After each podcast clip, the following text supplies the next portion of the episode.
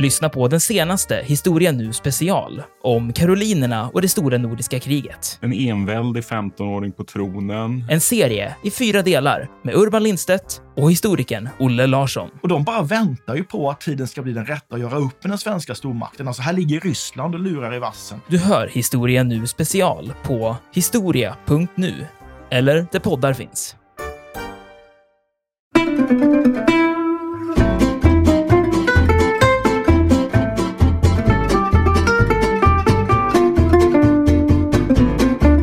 Här var då en monstrositet kan man väl säga. En kryptologisk monstrositet som var väldigt, väldigt avancerad och i första hand då användes på den strategiska nivån i Nazityskland. Enigman figurerade på den taktiska nivån bland pansardivisionerna, infanterienheterna, ubåtarna och så vidare. Lorenzmaskinen, Tanny, den använde sig av Hitler själv och hans generaler. Alltså kort och gott det tyska militära överkommandot.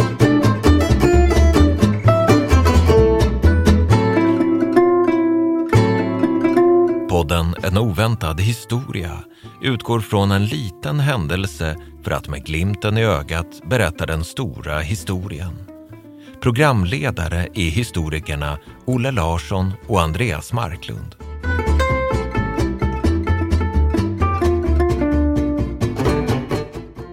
Hej Olle! Hej Andreas! Läget? Det är alldeles utmärkt. Idag ska vi snacka om andra världskriget. Det gillar vi. Vi ska till och med snacka om kodmaskiner från andra världskriget. Får jag ställa dig en fråga? Ja, absolut. Vilken tysk kodmaskin från andra världskriget ger dig flest kalla kårar? En Enigma eller en Tanni? För mig är svaret givet. Jag måste svara Enigma. För mig är liksom Enigman, det är ju kodmaskinernas kodmaskin.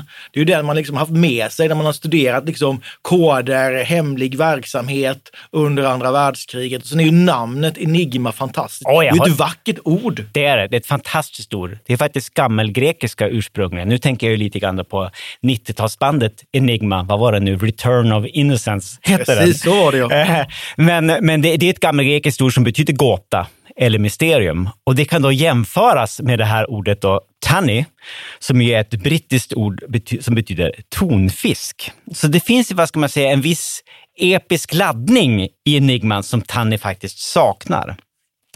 Men det här handlar också om någonting annat. Det här liksom att vi, vi reagerar på, på Enigma, men vi är klart mer, vad ska man säga, intresset är klart mer svalt vad gäller den här tonfisken. Det handlar också om något annat och nu närmar vi oss pudelns kärna. Tanni, fenomenet Tanni, är nämligen inte lika välkänt hos den bredare allmänheten av den enkla anledningen att dess existens längre, länge hemlighölls av den brittiska regeringen. Mycket längre än historien om Enigman och Alan Turing och hur den här spioncentralen Bletchley Park, som vi ska prata mer om alldeles strax, hur de lyckades knäcka ubåtarnas eh, enigmasystem. Sekretessreglerna omkring Turing och Enigman började släppas i början av 1970-talet. Däremot var det först år 2000 som den brittiska regeringen började offentliggöra historiskt källmaterial om den här ganska okända tonfisken, Tanny.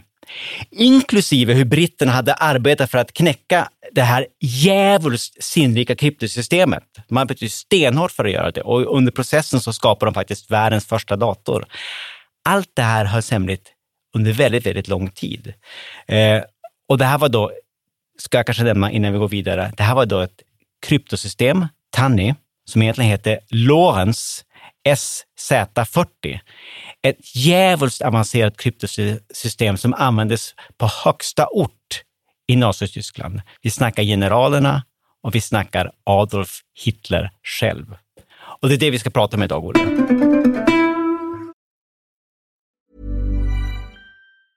When you're ready to pop the question, the last thing you want to do is second guess the ring.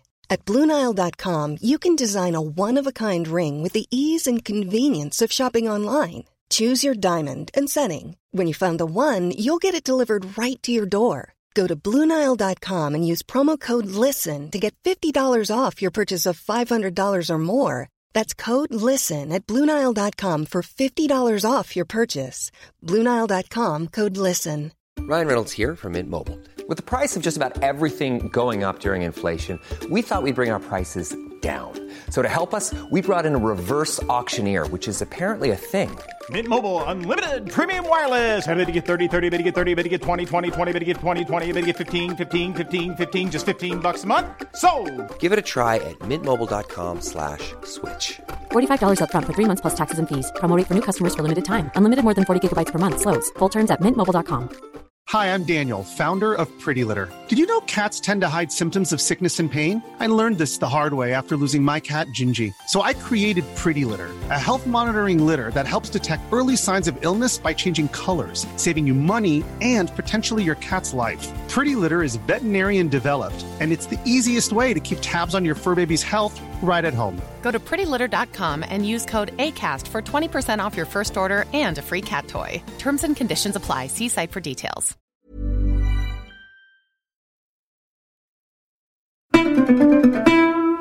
För att förstå det här med Tanny och det ganska utdragna brittiska hemlighetsmakeriet så tror jag att vi måste viga några minuter här i början åt själva enigman och Turing och det här med Bletchley Park.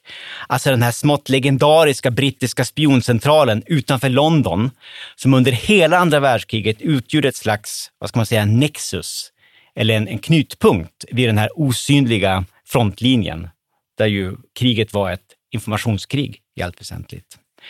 Jag tar mig friheten att hämta min stämningsbild från populärkulturen, närmare bestämt den internationella storfilmen Imitation Game från 2014, eftersom den 1. visar vilken ytterst speciell status den här enigman har fått i vår tids populärkultur och 2. filmen är exakt hur bra som helst tycker jag. Olle, vi befinner oss på det ganska luggslitna men väldigt charmiga viktorianska godset Bletchley Park som ligger ungefär sju mil norr om Piccadilly Circus i centrala London i grevskapet Buckinghamshire. Det är bara några dagar efter andra världskrigets utbrott och vi ser en ganska bitter brittisk underrättelseofficer i en sån här mörk marinblå uniform. Det är kommendörkapten Alistair Denniston som var chef för kryptoavdelningen inom den militära brittiska underrättelsetjänsten, alltså MI6, som väl egentligen hette SIS, alltså Secret Intelligence Service. Framför sig har den här bistra, men ganska eleganta officeren ett antal klart mer, vad ska man säga, eh, civila typer. Det är några förvirrade herrar, excentriska kufar i, kufar i, eh, i tweedkavajer och cardigans i olika nyanser av brunt och grått. Och en av dem är ändå en, en väldigt elegant brittisk schackmästare vid namn Hugh Alexander. En annan är den berömda matematikern Alan Turing, som i filmen spelas av Benedict Cumberbatch. Och de står alla och stirrar på en ganska märklig, men egentligen ganska liten och oansenlig skrivmaskinsliknande apparat som Denniston, den här bistra officeren, har placerat på ett stort, eh, faktiskt enormt ekbord i mitten av det här rummet. Och den här apparaten, det är naturligtvis en Enigma. Och medan kameran panorerar in på själva logotypen på maskinen, där det står Enigma med väldigt eleganta art deco-bokstäver, eh, så förklarar då Denniston för sina väldigt akademiska åhörare att den här apparat, apparaten fungerar på så sätt att allsköns militära hemligheter och underrättelser går in i apparaten och kommer ut som rappakalja, gallimatias eller jag tror han säger gibberish. Och det här får då Alan Turing till att utbrista att den är vacker. It's beautiful! Varpå Denniston istället konstaterar då med ett så här ödesmättat tonfall som bara en Shakespeareansk skolad brittisk skådespelare kan få till, att enigman är the crooked hand of death itself. Alltså dödens kloliknande hand, eller den kloliknande handen hos döden själv. Olle, det här är ju bara en film förstås, men den är baserad på verkliga händelser och på verkliga personer, av vilka en del, en liten handfull, fortfarande är i livet. Det var de här, här året i alla fall, då jag, jag skrev en bok om det här och dubbelkollade.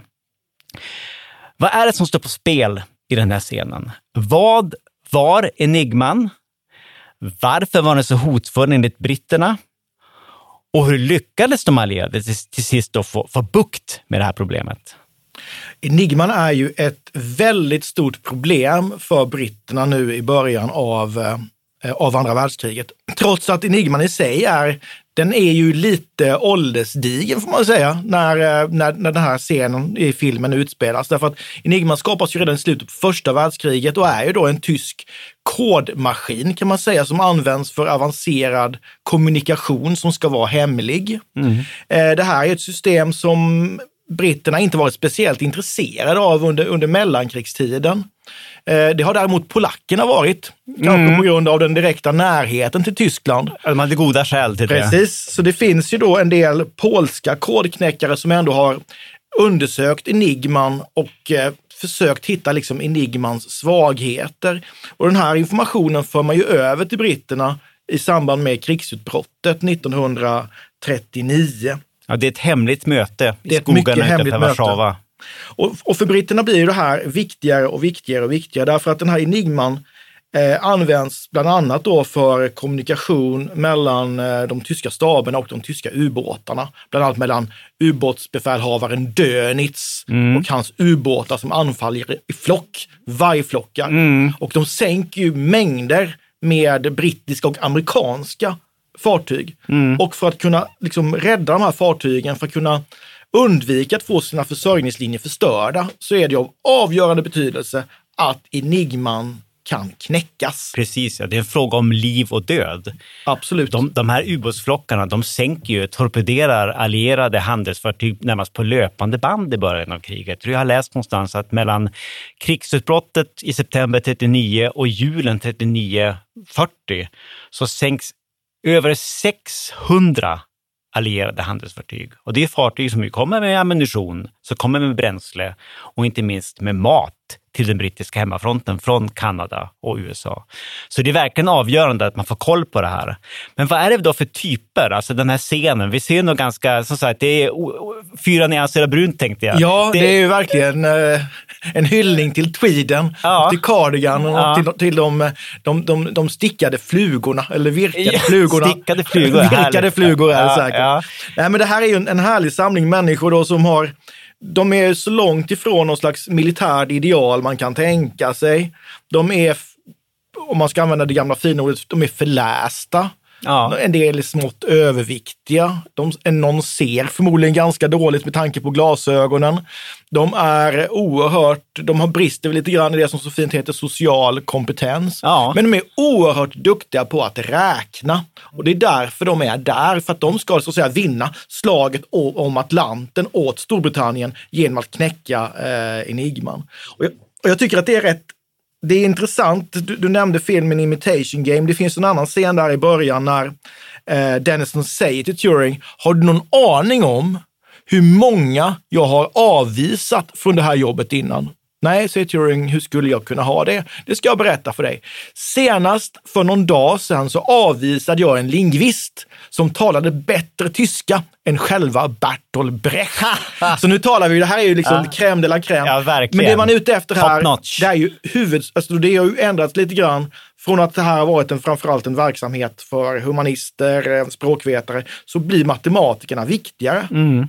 Och det är de han framförallt rekryterar, de här professorstyperna. Precis.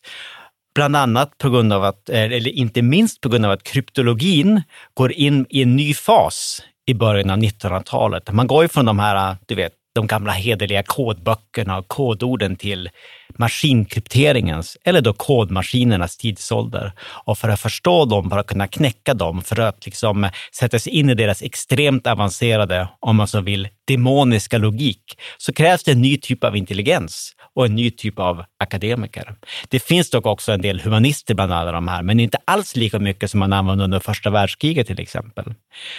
Intressant är att eh, den här Alastair Dennison, han har faktiskt satt ihop en lista över något han kallade för Men of the Professorial Type, alltså det är professorstyper som då kallas in. Många av dem har varit på någon slags så här grundläggande kurser hos Dennison vid Bletchley Park redan innan krigsutbrottet, inklusive Turing, för att lära sig lite grann om kod, kodbrytningens elementa. Eh, Men innan vi går vidare med det här tänkte jag kanske bara understryka att han snackar om män professorial Det är en mycket manlig värld. Utan tvekan, vilket ju också gällde brittisk akademia i största allmänhet under den här perioden. Det finns ju många kvinnor på Bletchley Park, men de är nästan alla placerade i underordnade positioner. De är sekreterare, de är eh, arkivarier och så vidare. Och maskinskötare kan de, också, kunde de också vara. Men det fanns ju också enstaka kvinnliga kodknäckare. Och det är bland annat hon eh, Joan Clark Precis, hon, ja. precis. Och hon förlovas, eller trolovas sen med, med Turing. Ja, det är en väldigt intressant Ja. historia det där. De, de hade ju en Någon, någon, slags, någon någon, slags relation. någon form av romans kanske man kan kalla det för ett tag. Och hon, och hon var ju en, en viktig del av, eh, av vad ska man säga, eh, kodknäckare-teamet. Och det verkar ju vara en, en, en slags romans som var snarast intellektuell än erotisk Ja. till sin karaktär. Ja, exakt. För det, det är ju mycket som, eller Alan Turing var ju normalt intresserad av andra män. Så det, det, det är en intressant relation det där. Men i alla fall, som du nämnde, alltså det här var ju verkligen en fråga om liv och död. Det handlade om det här med slaget om Atlanten och att få koll på de där ubåtsflockarna. Och för att kunna knäcka, eller för att kunna lösa, hantera det problemet, så måste man kunna, insåg man, positionsbestämma ubåtarna. Alltså inse var, de- var i den här enorma vattenmassan Dönis vargflockar befinner sig. Och för att kunna göra det så behövde man liksom kunna tränga in i ubåtsflottans radiokommunikation. Och det kunde man göra till sist eftersom eh, Alan Turing och hans team i hydda 8, Hut 8, som var specialiserade på då den marina enigman, i december 1942, det är många turer fram och tillbaka, men vi har inte tid att gå in i detaljer här. Men i december 1942 så lyckas man slutgiltigt liksom som tränga in i logiken i det här extremt avancerade systemet och börja kunna leverera underrättelser ur den här kommunikationstrafiken eh, som kommer bara några timmar efter själva vad ska man säga, inhämtandet av de här telegrammen. Alltså det är närmast dagsfärska underrättelser som man kan skicka till amiralitetet som kan börja dirigera de här konvojerna till säkra koordinater i Atlanten. Och det är ju verkligen en, en game changer, eller vad man ska kalla det för, under, under andra världskriget. Det blir som sagt var oerhört viktigt med just att kunna föra över underrättelser nästan på, om inte i realtid så i alla fall väldigt kort efter det att, att eh, informationen kommer. Ja. Därför att Enigman på stora, det är ju att den har ju olika, den, har ju no, den är ju jätte, den är så komplicerad så att det är svårt det är svårt att förstå det här som en vanlig människa med dess olika kodhjul, tre kodhjul Ja. som gör att bokstäverna kan vara, hur många kombinationer var det? Det, det, det, det är svårt att föreställa sig, men jag har sett då siffran 159 efterföljd av 18 nollor, alltså 159 triljoner olika kryptainställningar på liksom en standard issue Enigma model. Det kommer i modifierade versioner som var ännu mer avancerade. Då förstår man ju också, för att en mänsklig hjärna ska kunna liksom knäcka de här enigmakoderna så krävs det liksom hundratals år av arbete. Man behöver maskiner som Exakt. hjälper. Exakt. Och det kommer vi till Ja. alldeles strax. Eh, för allt var ju faktiskt inte frid och fröjd i och med att Hydde 8 lyckades knäcka eh, den här eh, ubåtsflottans eh, Enigma-system. Dels var det fortfarande nödvändigt då att identifiera eh, Enigmas kodljudsinställningar. De ändrades ju fortfarande varje dag, så även om man liksom hade fattat logiken så krävdes det liksom praktiska insatser på en daglig basis i Hydda 8 för att man skulle kunna mjölka fram de här livsviktiga upp- uppgifterna om var ubåtarna befann sig. Men man fick också ett helt nytt problem på halsen.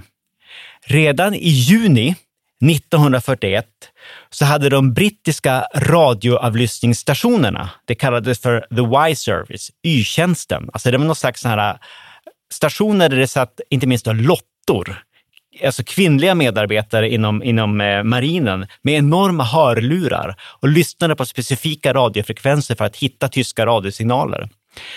I juni 1941 så uppfattar de ett helt nytt ljud i etern.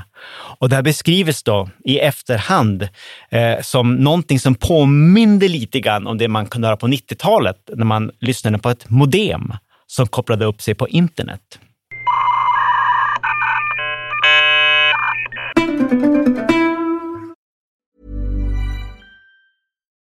Deserves the best, and there's no better place to shop for Mother's Day than Whole Foods Market. They're your destination for unbeatable savings, from premium gifts to show-stopping flowers and irresistible desserts. Start by saving 33% with Prime on all body care and candles. Then get a 15-stem bunch of tulips for just $9.99 each with Prime. Round out Mom's menu with festive rosé, irresistible berry chantilly cake, and more special treats. Come celebrate Mother's Day at Whole Foods Market. Hey, it's Danny Pellegrino from Everything Iconic. Ready to upgrade your style game without blowing your budget? Check out Quince. They've got all the good stuff shirts and polos, activewear, and fine leather goods, all at 50 to 80% less than other high end brands. And the best part? They're all about safe, ethical, and responsible manufacturing. Get that luxury vibe without the luxury price tag.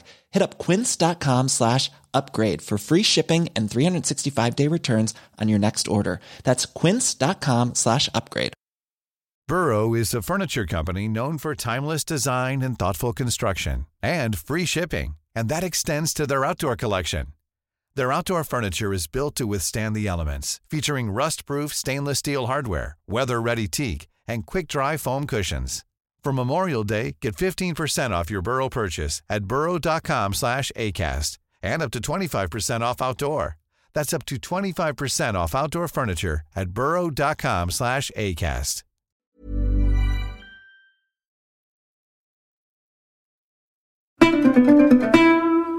Olle, vad sjutton var det här? Vad var det som britterna hade lyckats hova in i sitt pejlingsnät?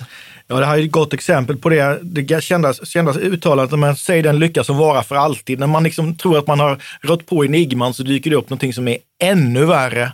Och här är han då, entré på scenen för Lorentz SZ40. Känns som, som tonfisken. Känns som tonfisken, The Tunny. Och han, det är en mycket värre motståndare än Enigman.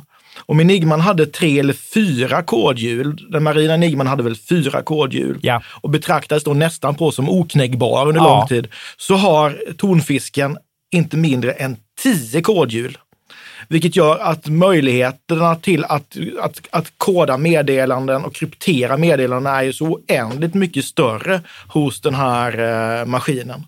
Och det är ju inte det enda, den är ju mer effektiv, den är ju enklare att hantera eftersom man kan skriva klartext in i, i, i tonfisken, så krypterar den själv och ut i andra änden kommer klartext. Så det går ju mycket snabbare allting. Precis, den var ju mycket mer high-tech som man säger, mycket mer modern än Enigma-maskinen. Alltså det, det, det, försvinner ju ofta i populärkulturen, alltså som ju fick, där Enigman förknippas väldigt mycket med andra världskriget.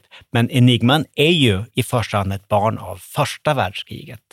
Den var ganska avancerad, den var ganska komplicerad och den var, som man säger, lite old school när andra världskriget bröt ut. För att skriva in, alltså koda ett meddelande med Enigman, så skulle du liksom skriva manuellt på maskinen som på en liksom vanlig skrivmaskin.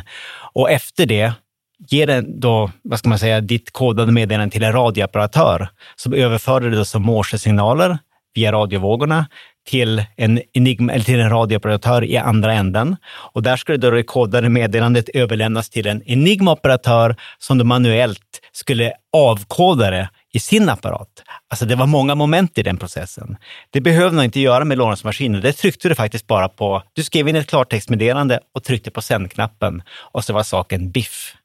Och det här var då en monstrositet kan man väl säga. En kryptologisk monstrositet som var väldigt, väldigt avancerad och i första hand då användes på den strategiska nivån i Nazityskland.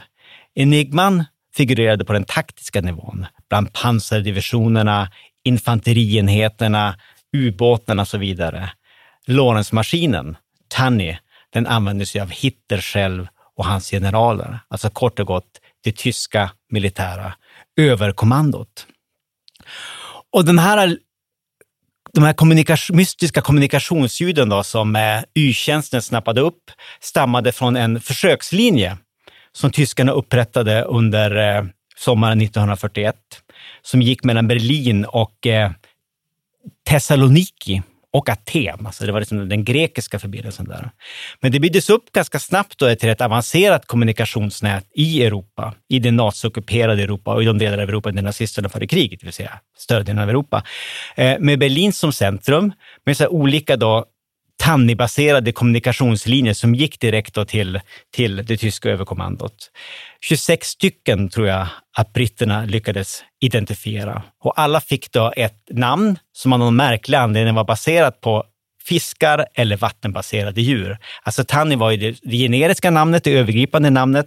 Men jag vet att förbindelsen mellan Berlin och Paris, som var rätt viktig, det kallades för jellyfish, alltså manet, medan Berlin och Köpenhamn kallades då för piggvar eller turbot.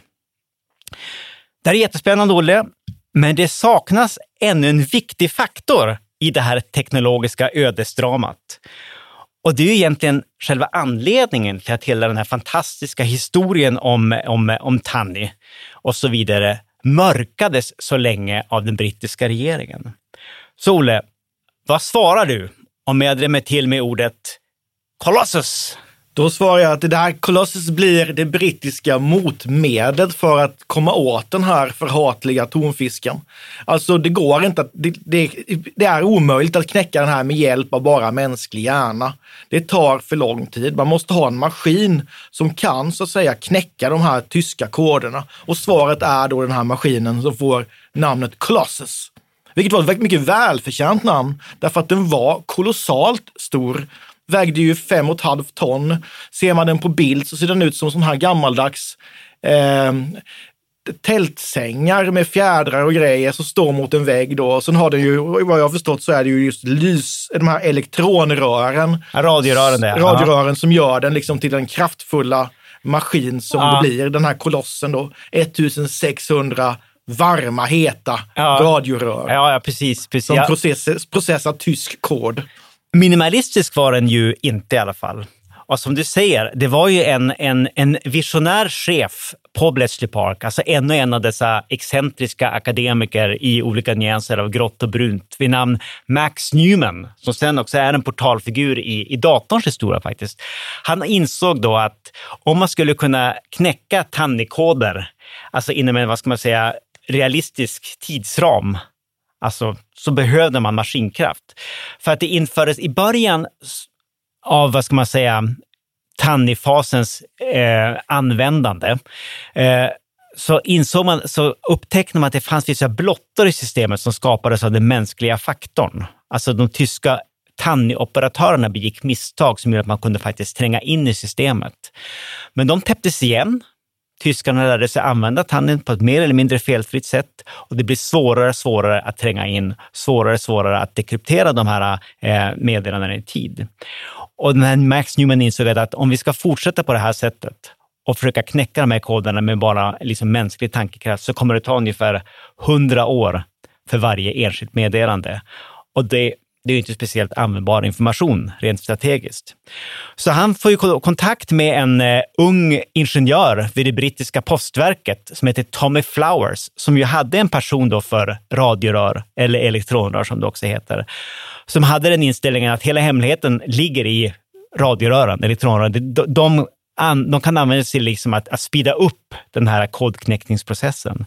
Så han byggde en extremt avancerad eh, räknemaskin kan man väl säga, som kunde programmeras till att utföra olika typer av uppgifter och som dessutom var väldigt, väldigt snabb.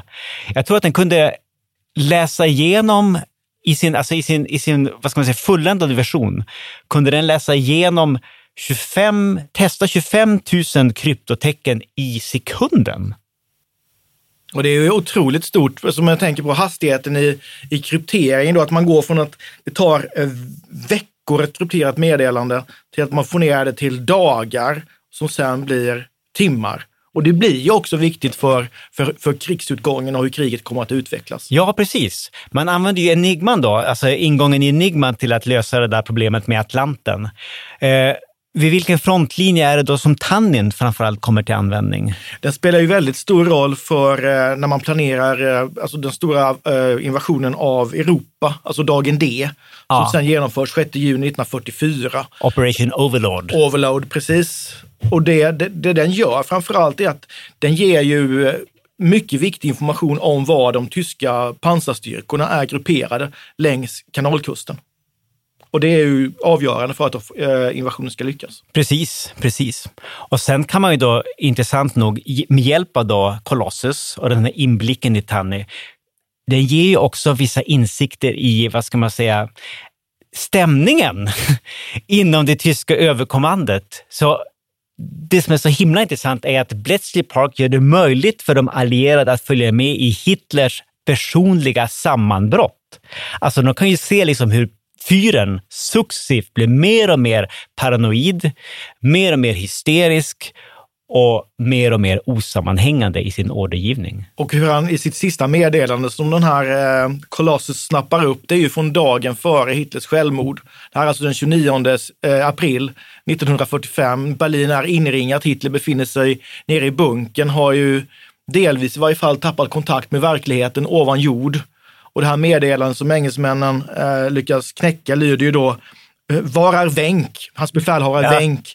Eh, var är den nionde armén? Ja, När ska nionde armén anfalla? Och den nionde armén existerade ju inte Nej, längre. Just det, spjutspets... Spjutspetsarmén. Ja, just det. Ja. det som var sista hoppet så att säga, för att bryta inringningen. Just det, precis. Och dagen efter begår ju Hitler självmord. Precis. Så de följer liksom med till det bittra slutet i liksom den inre nazistiska kommunikationen, alltså på högsta nivå, via den här kolossusapparaten som har gett dem inblickar i Tanni. Och det, det är en helt fantastisk historia egentligen. Varför i helskotta, om man så får säga, hölls den hemlig så himla länge? Ja, förklaringen heter ju egentligen eh, kalla kriget. Ja. Alltså den nya konflikt som bryter ut efter eh, andra världskrigets slut. Ja. När samarbetet inom den stora alliansen, Storbritannien, Sovjetunionen, USA steg för steg för steg bryts sönder och utvecklas till ett kallt krig. Ja. Och britterna är ju, och misstänker på goda grunder får man väl säga, att eh, Sovjetunionen förmodligen har kommit över en del sån här Lorentz eller tonfiskar Ja. från tyskarna som de själva har och kan använda. Och därför får man ju inte vi- visa att man har knäckt den här koden. Nej, precis. För de fortsätter ju att använda det här. Alltså efter andra världskrigets slut, följer med i Sovjetunionens kommunikation. För de överför, övertar faktiskt, alltså, det, det gjorde även de västallierade, man övertar tysk krypteringsteknologi, både enigmor och eh, Lorentz-maskiner Modifiera dem en liten smula, men fortsätta att använda dem i ett antal år i alla fall. Sen föråldras de ju i och med att eh, liksom, datarevolutionen inträffar där under 50 och 60-talen. Alltså det blir ju ganska snabbt i alla fall enigman ett minne blott. Men alltså under de tidigare faserna av kalla kriget så är det här, är det här fortfarande ett system som man använder. Och därför är även då den här krypteringsteknologin, eller vad jag ska, vad jag ska säga, eh, dekrypteringsteknologin, eh, någonting som är ett viktigt vapen för de allierade under, under det tidiga kalla kriget. Så det är på order av Winston Churchill själv då som de här anställda vid Bletchley Park blir då belagda med väldigt, väldigt stränga sekretessregler. The Official Secrets Act ska de underteckna och det förbjuder dem att någonsin yppa någonting överhuvudtaget om de, vad de har gjort under andra världskriget. Alltså till och med för sina familjemedlemmar. Och det är på grund av den här viktiga, viktiga militära hemligheten. Men Olle, kodknäckningsarbetet för Betsy Park, det påstår enligt vissa historiker har förkortat andra världskriget med flera år och därigenom har räddat miljontals människoliv. Hur ser det ut idag tror du? Alltså med tanke då på det pågående kriget i Ukraina. Det brukar alltid utsätta mig för en, en, en obehaglig spaning in i framtiden. Det, svinhugg går igen. Ja, alltså, precis. Nu, nu tänkte jag då eh, sv- svara igen då, kan man säga. Då. Ge igen, ge igen för gammal ost med en omöjlig fråga gällande nutiden. Var ligger vår tids Bletchley Park? Och tror du att de har lyckats knäcka Putins motsvarighet till Hitlers tonfisk, Lorentz? Lorentz, ja. Jag tänker väl så här att för det första så är det ju, jag läste någonting om, om hur modern kryptering går till. Och om det var så att liksom tyskarna med Enigman och eh, med, med, den, med, med Lorentz då ändrade kod eller de här kodhjulens inställning en gång om dagen, så lär ju moderna sådana här kryptomaskiner eh, ändra inställning varje sekund. Vilket måste ju göra, ställa otroligt stora krav på de som ska knäcka de här koderna. Eh, men, då, man gör ju säkert försök därför att det här är ju naturligtvis fortfarande väldigt, väldigt viktigt. Eh, var ligger det? Jag läste, på, jag läste lite grann om svensk signalspaning. Alltså, Sverige har ju legat långt fram i signalspaning redan sedan i början av kalla kriget med Försvarets radioanstalt, eh, med flygspaning mot Sovjetunionen, med ja, DC3-affären, nedskjutningen 52 och det här. Så låt oss spekulera i att den svenska liksom, signalspaningen ligger i absolut eh, världsframkant. Och då skulle kanske Västeuropas eh, Bletchley Park kanske ligga på Lovön där FRA har sitt eh, högkvarter. Ett svenskt Bletchley Ett Park? svenskt Bletchley Park. Ja. Eller säga att vi har ett rörligt Bletchley Park. Ja. Och då skulle det i så fall kunna vara eh, FRAs eh, signalspaningsfartyg Orion. Ja. Vi vet ju faktiskt att svenska signalspaningsplan flyger i polskt territorium nu Mm. och samlar in uppgifter om eh, vad, som, vad som händer på rysk sida i just samband det. med Ukraina-konflikten. Just det. ja. Det kanske kan vara vår biljett in i NATO, tänker sig vän av Ordnung. Precis. Men tror du att man kan följa med då i, i Putins eh, tirader mot diverse då inkompetenta underhuggare via någon slags kolossusinbrytning i ett ryskt Tanni? Det skulle onekligen vara intressant att, höra den, den informationen inifrån. Ja, med tanke på hur, hur vinklad eh, all information från rysk sida är. Ja. Eh, I, I det här fallet skulle det vara intressant att veta vad sägs det egentligen? Ja. Vad är de verkliga målen? Vad är de verkliga förlusterna? Hur ser tankegångarna ut? Så det är inget snack om att det skulle vara användbart. Det kräver en ny svensk kolossus. Det tror jag. Tack för det. Tack. Vi ses. Absolut. Vi tackar programledarna Olle Larsson och Andreas Marklund. Kontakta gärna Olle och Andreas på ovantad@historia.nu. Vi läser allt, men hinner kanske inte alltid svara.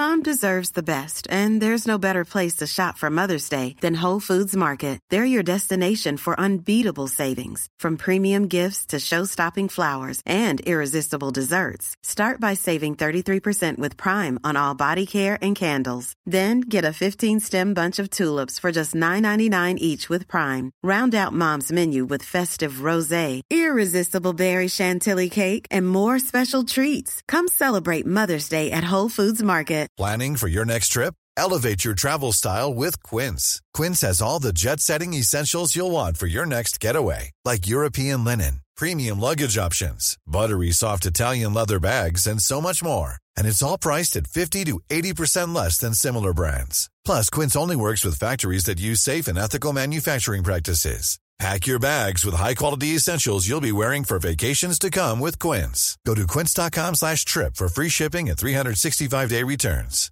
Mom deserves the best, and there's no better place to shop for Mother's Day than Whole Foods Market. They're your destination for unbeatable savings, from premium gifts to show-stopping flowers and irresistible desserts. Start by saving 33% with Prime on all body care and candles. Then get a 15-stem bunch of tulips for just $9.99 each with Prime. Round out Mom's menu with festive rosé, irresistible berry chantilly cake, and more special treats. Come celebrate Mother's Day at Whole Foods Market. Iran har under 1900-talet genomgått tre omvälvande revolutioner som orienterat landet antingen mot västerlandets modell eller mot en auktoritär styrelseform. Idag pågår en social revolution i landet som vänder sig mot det islamistiska styret och vars anhängare har Europa och väst som förebilder. I en viktig bok ger idéhistorikern Mohammad Faslashemi en djupare förståelse för dagens dramatiska händelseutveckling. Iran mellan tre revolutioner är utgiven av förlaget Historiska Media. Beställ den fysiska boken på förlagets hemsida historiskamedia.se eller köp den i en bokhandel nära dig.